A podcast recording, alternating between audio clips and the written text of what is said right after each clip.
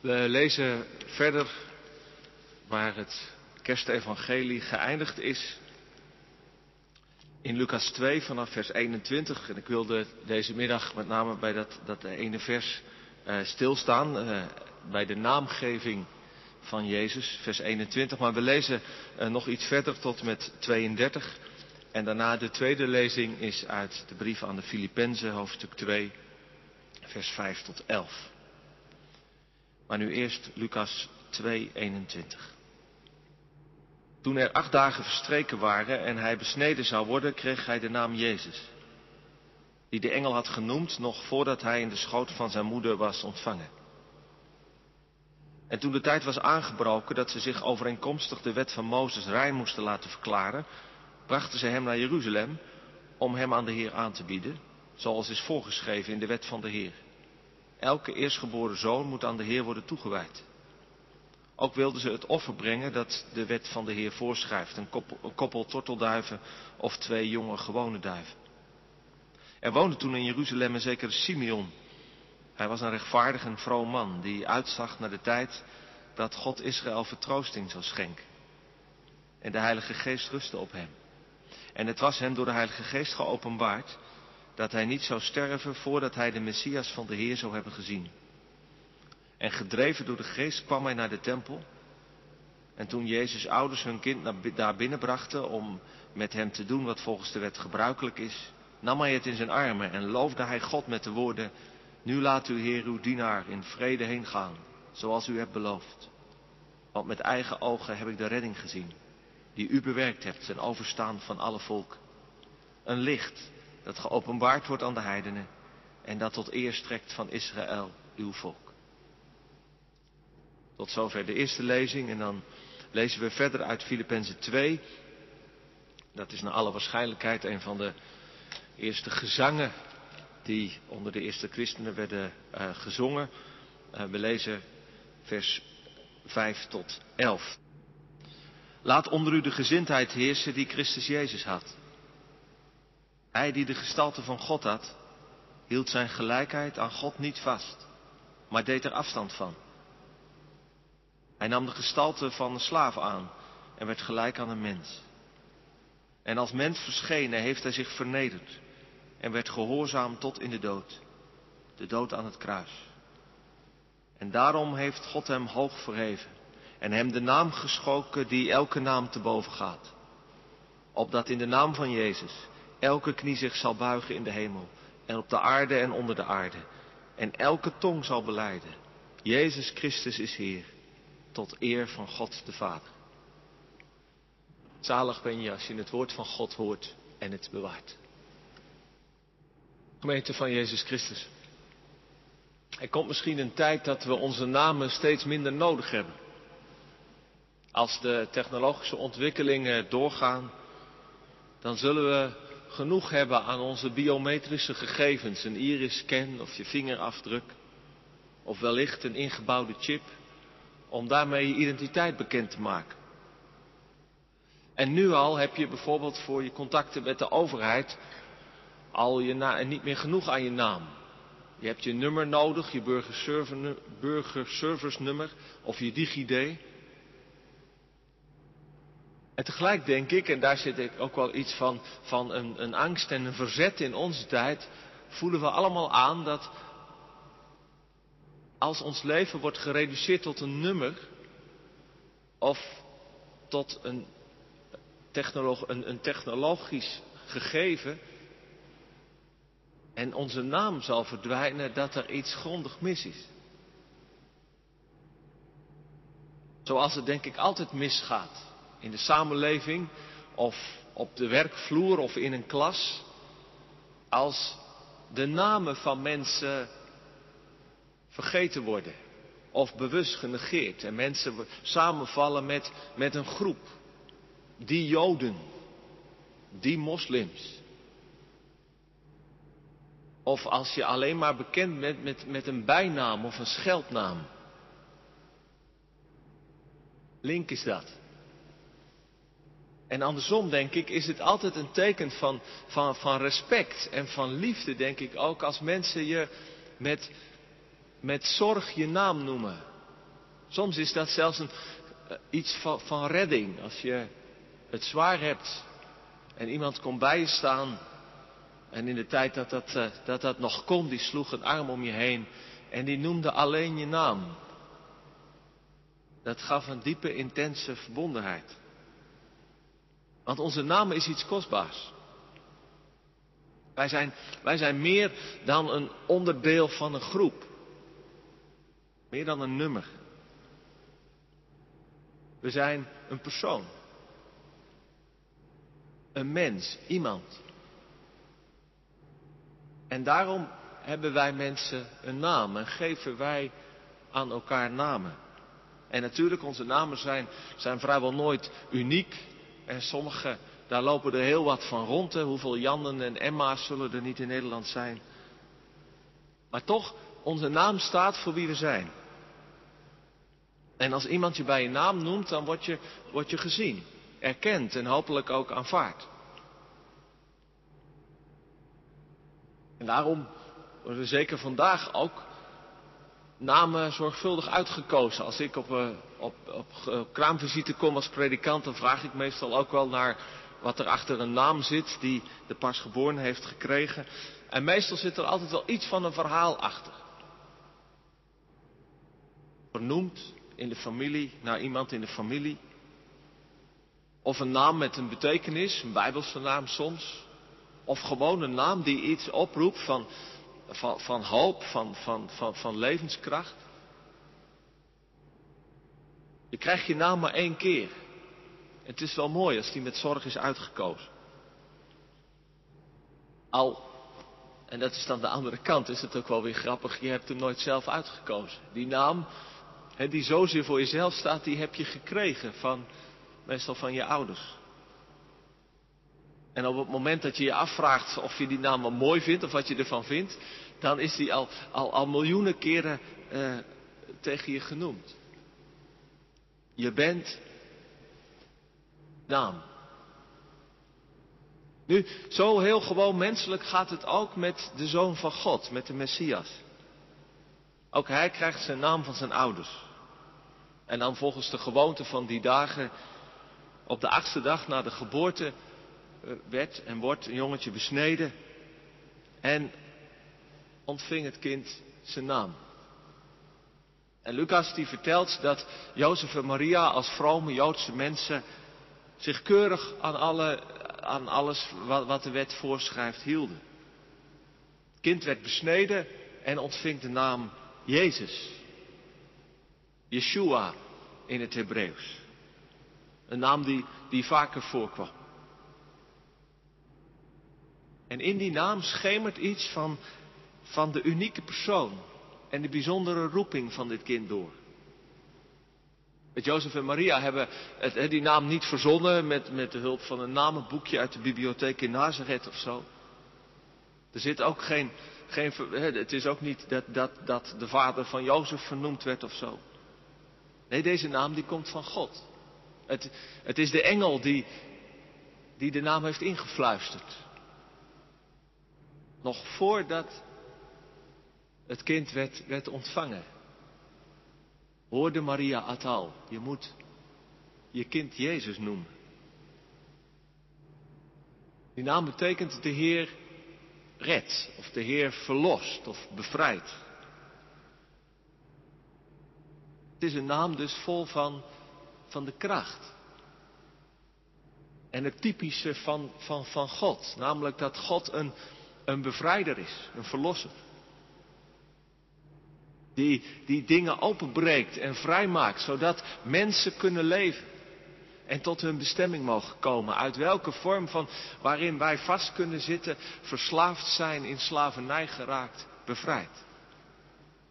Dat, dat is de, de levensvulling en de levensroeping van deze nu nog hele kleine jongen.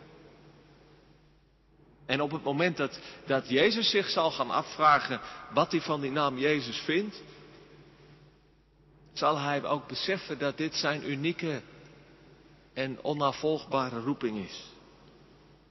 Hij zal verlosser zijn, door wie God in deze wereld de verlossing zal brengen. En die naam, Jezus, die heeft een hele eigen klank gekregen in de wereld. Die naam heeft een, een rijkwijde aangenomen, een volume zou je kunnen zeggen, die met geen enkele andere menselijke naam meer te vergelijken is. Want laten we eerlijk wezen. Geen naam heeft de wereld meer veranderd dan deze naam, Jezus.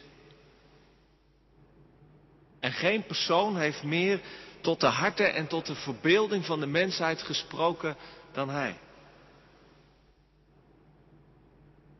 De namen van, van andere godsdienststichters, wijsheidsleraren en profeten zoals de Boeddha, Mohammed, Confucius, die worden nog steeds met, met respect en, en, en liefde genoemd. En die zullen waarschijnlijk nooit vergeten worden in de, onder de mensheid. Maar worden ze bemind als Jezus? Als deze redder? En met die vreemde vreugde genoemd als de levende die, die tot op de dag van vandaag onder ons is? En aan de andere kant, en dat is natuurlijk niet verwonderlijk, verwonderlijk worden ze met evenveel kracht als een vloek gebruikt? Kijk, onze namen die zijn niet groot en niet sterk genoeg om als, als krachtterm of als vloek gebruikt te worden. Het moet een hele grote naam zijn, willen wij mensen die naam gaan gebruiken of, of misbruiken als, ja, als iets van, van, om, om, om iets kracht bij te zetten. Of om zelfs iets van een vervloeking mee uit te spreken. Dat is met de naam van Jezus gebeurd. En dat is, hoe triest ook, een teken van zijn grootheid. Kijk, de namen van, van de bekende mensen van vandaag, in de politiek en in de showbiz en de influencers en in de sport, dat zijn altijd de namen van stijgers en dalers. En nog niet zo lang geleden overleed Diego Maradona. En even was, het weer, was die naam weer wereldnieuws. Maar uiteindelijk wordt die naam vergeten. En die komt wel weer een keer op als er een of andere uh, herinnering is van hij is tien jaar geleden overleden of het is zoveel jaar geleden dat hij, uh, dat hij uh, dat hij Argentinië wereldkampioen maakte of zo. Maar uiteindelijk verdwijnen die namen en alleen de aller, allergrootste die blijven in de wereldgeschiedenis. Maar, maar deze mens, die helemaal niet zelf bezig is geweest met zijn naamsbekendheid, die zich eerder verzette tegen roem, die is onvergetelijk. En die blijft onvergetelijk.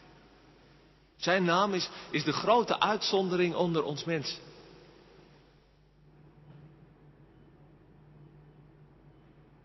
En dat heeft ermee te maken dat die naam niet alleen voor hem is, maar dat die naam is gegeven voor ons. Een naam die we kunnen noemen. En daar wat over nadenkend bedacht ik mij dat wij ons geloven.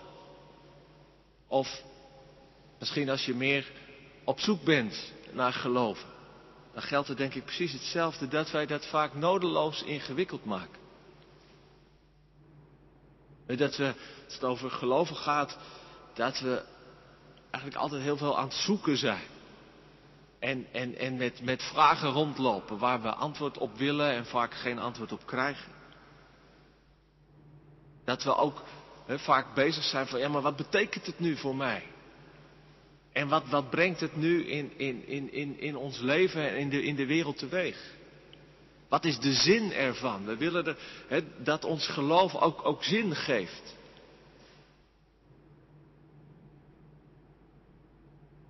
En dat zijn vaak goede zaken, dus doe daar niet lelijk over. Dat hoort ook bij ons mens zijn natuurlijk, dat je als je een beetje niet al te oppervlakkig in het leven staat, dat je vragen stelt en dat je zoekt naar wat het betekent. En, en soms ook de balen van hebt dat, dat, dat je wel gelooft, maar dat het, dat het zo weinig uitwerkt. Maar laten we daarbij wel rekening houden met het feit dat het christelijk geloof staat of valt met een naam. Dat het uiteindelijk draait om die unieke persoon. En dat ons geloof in de eerste plaats geen theorie is of wet of, of, of kerk. En ook geen betekenis of zaak waar wij, waar wij aan moeten, moeten werken en bouwen. Maar dat het uiteindelijk in, in, in de kern gaat om iemand. Een levend iemand. In wie God en mens zijn samengekomen. Een iemand die een naam heeft gegeven die wij op onze lippen mogen nemen. En ik vraag mij af, is mijn geloven vaak soms zo, zo armoedig en soms ook zo vermoeiend, omdat ik dat toch zo vaak vergeet. Gewoon die, het eenvoudige vertrouwen op de naam van Jezus. Iets van, van de overgave en liefde die erbij hoort als je, als je die naam uitspreekt. Als je je, je verhoudt tot, tot Jezus. Je kunt het geheim van Jezus verpesten door, door een teveel aan moeilijke vraag. Door altijd maar weer bezig te zijn, maar wat is de zin ervan en waar moet ik dan? En nogmaals, ik pleit helemaal niet voor een simpel of onwetend geloof. Maar het gaat me erom wat eerst komt. En wat vooraf gaat aan alles. En wat uiteindelijk het laatste ook is. Deze naam die wij mogen noemen. Nu die naam noemen. Het, Jozef en Maria waren de eerste die dat, die dat deden hè, in die naamgevingsceremonie. Maar die naam noemen kun je op allerlei manieren natuurlijk. En ik kwam iets tegen van een van de eerste theologen van de christelijke kerk. Dat was Origenes van Alexandrië. Begin van de derde eeuw. Het is zo begin 200 na Christus. En Origenes die schrijft. Christenen halen hun moed uit de naam van Jezus. Want de macht van de naam van Jezus is zo groot. Dat hij zelfs werkzaam is als deze wordt uitgesproken door de goddelozen.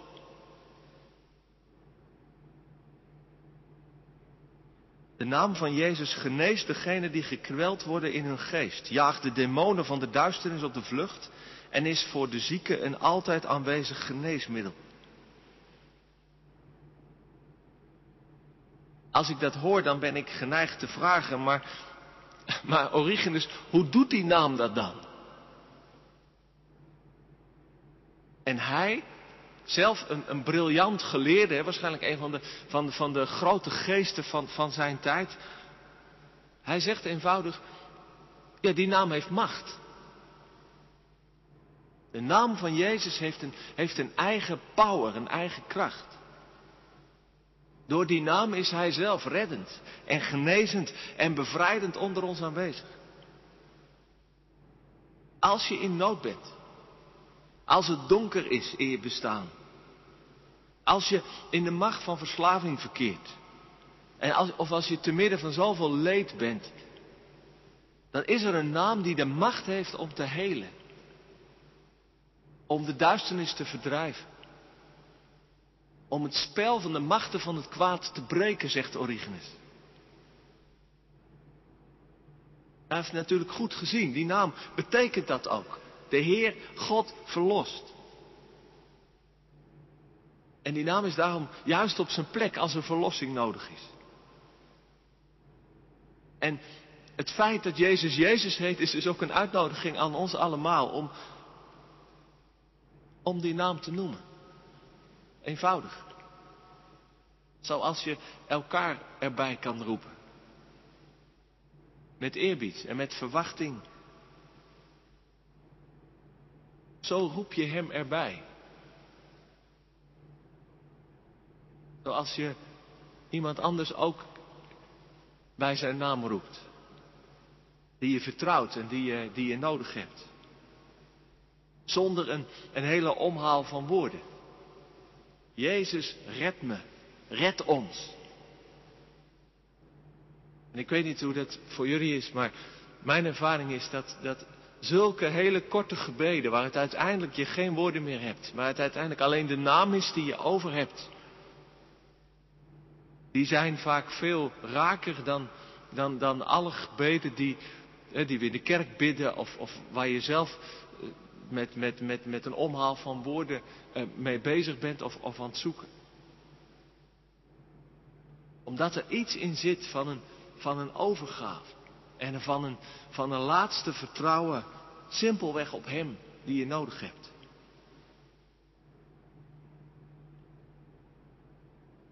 En die naam die wordt ons dus aangeboden.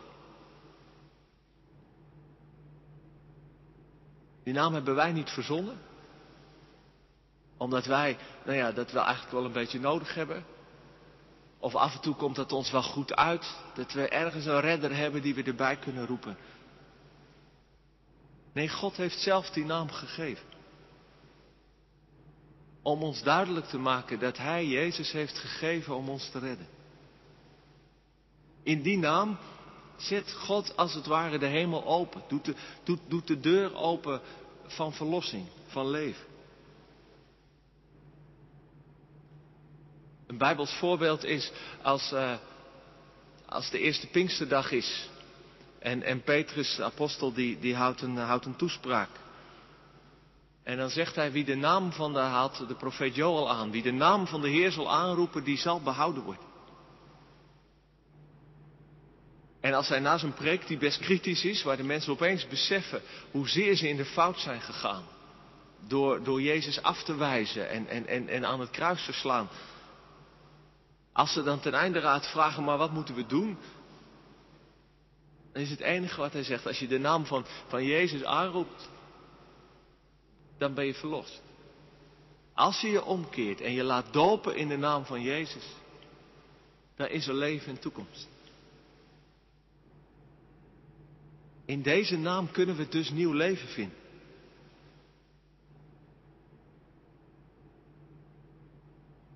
Ook daar niet, hè, op die eerste Pinkstdag ook niet. Dat ze eerst een heel programma moeten gaan volgen van categorisatie of van alfa-cursus. Of, of dat er iets van, van, van, een, van een route van boetedoening of zo is. Nee, alleen de naam van Jezus. God bevrijdt en redt. En met Hem kun je gewoon opnieuw beginnen. Dat wil volgens mij ook zeggen dat die naam het geschenk is wat aan alles vooraf gaat. Natuurlijk is het ook nodig om meer te leren en, en, en Christus te leren kennen en de implicaties van, van het geloof en dat nieuwe leven uh, uh, te leren kennen en, en, en met elkaar te, te overdenken en te, en te bespreken. Maar het begin en de grond is die naam. Die Hij aan ons heeft gegeven. En als je gedoopt bent, dan is die naam vanaf het begin van je leven of vanaf het moment dat je, dat, dat, dat je de weg van het geloof bent gegaan, gaat die naam met je mee. Ook als, als, als, als beginpunt. En die naam gaat mee, zoals Origenes zegt, met een eigen kracht in je leven. Met een belofte dat je ook altijd weer terug kan keren als je, als je afgedwaald bent. Al ben je die naam misschien bijna vergeten. Een belofte ook voor de kerk, vind ik. Als wij in deze spannende tijden zoeken van wat betekent geloven vandaag en hoe zal het, hoe zal het gaan de komende, de, de komende jaren met de kerk in West-Europa kun je soms het gevoel hebben, zijn we als kerk niet helemaal ver weg van, van, van, van de Jezus van het Evangelie. Die naam gaat met ons mee, die is ons gegeven. En wat er soms ook mis kan gaan, het kan het toch niet, dat kan Nick, dat kan het niet veranderen aan de naam die ons gegeven is. Want wij hebben die naam niet gekozen. Het is niet de kerk die, die, die Jezus in de, in de wereld heeft gebracht of in de wereld zal houden. Zijn naam is zelfs niet afhankelijk van het feit of wij, wij die in ere houden met, met onze erediensten. Ze noemden hem Jezus. De naam die gegeven was door God zelf. En met die naam zal God op aarde zijn. Onder ons. En meer nog, met die naam zal God uiteindelijk de verlossing tot een goed einde brengen. Alles tot zijn bestemming. We lazen het uit de brief van de Filippenzen. Christus, die aan God gelijk was. Maar het was niet iets om, om aan vast te houden, dat hij, dat hij aan het goddelijke plus was gekleefd. En, nee, hij daalde af. En nog verder daalde hij af, tot uiteindelijk de allernederigste plek, de kruisdood. Het dood van een slaaf. Om ons te redden. En daarom werd hij door God verhoogd. En ontving hij de naam boven alle namen. En dan moet je natuurlijk denken aan de, aan de heilige grote naam eh, van God, die, eh, die de Joden niet durven uitspreken. Maar dan staat er dat uiteindelijk daar hij de naam heeft gekregen en dat in de naam van Jezus elke knie zich zal buigen. Dat iedereen zal beleiden dat Jezus Christus de Heer is. De, de grote goddelijke naam heeft ontvangen. Dus het is niet alleen het begin, de grond, Jezus, maar het is ook uiteindelijk het, het, het eindpunt. Alles zal samenkomen in de aanbidding van deze Jezus, die gekomen is om ons te redden. In wie God onder ons is gekomen met een liefde en een geduld zo ontzettend groot en taai. Dat hij het vol zou houden tot de wereld, de mensheid verlost is. Nou, die naam Jezus, die is ons gegeven. Om aan te roepen in de nood. Om met kracht te noemen tegen het duister in. Om stil te fluisteren in liefde. En omhoog te houden. Tegen alle menselijke en megamenselijke namen die er ook klinken. En door te vertellen. Aan ieder mens die zoekt naar een naam die redt. En die je mag noemen. Jezus. Amen.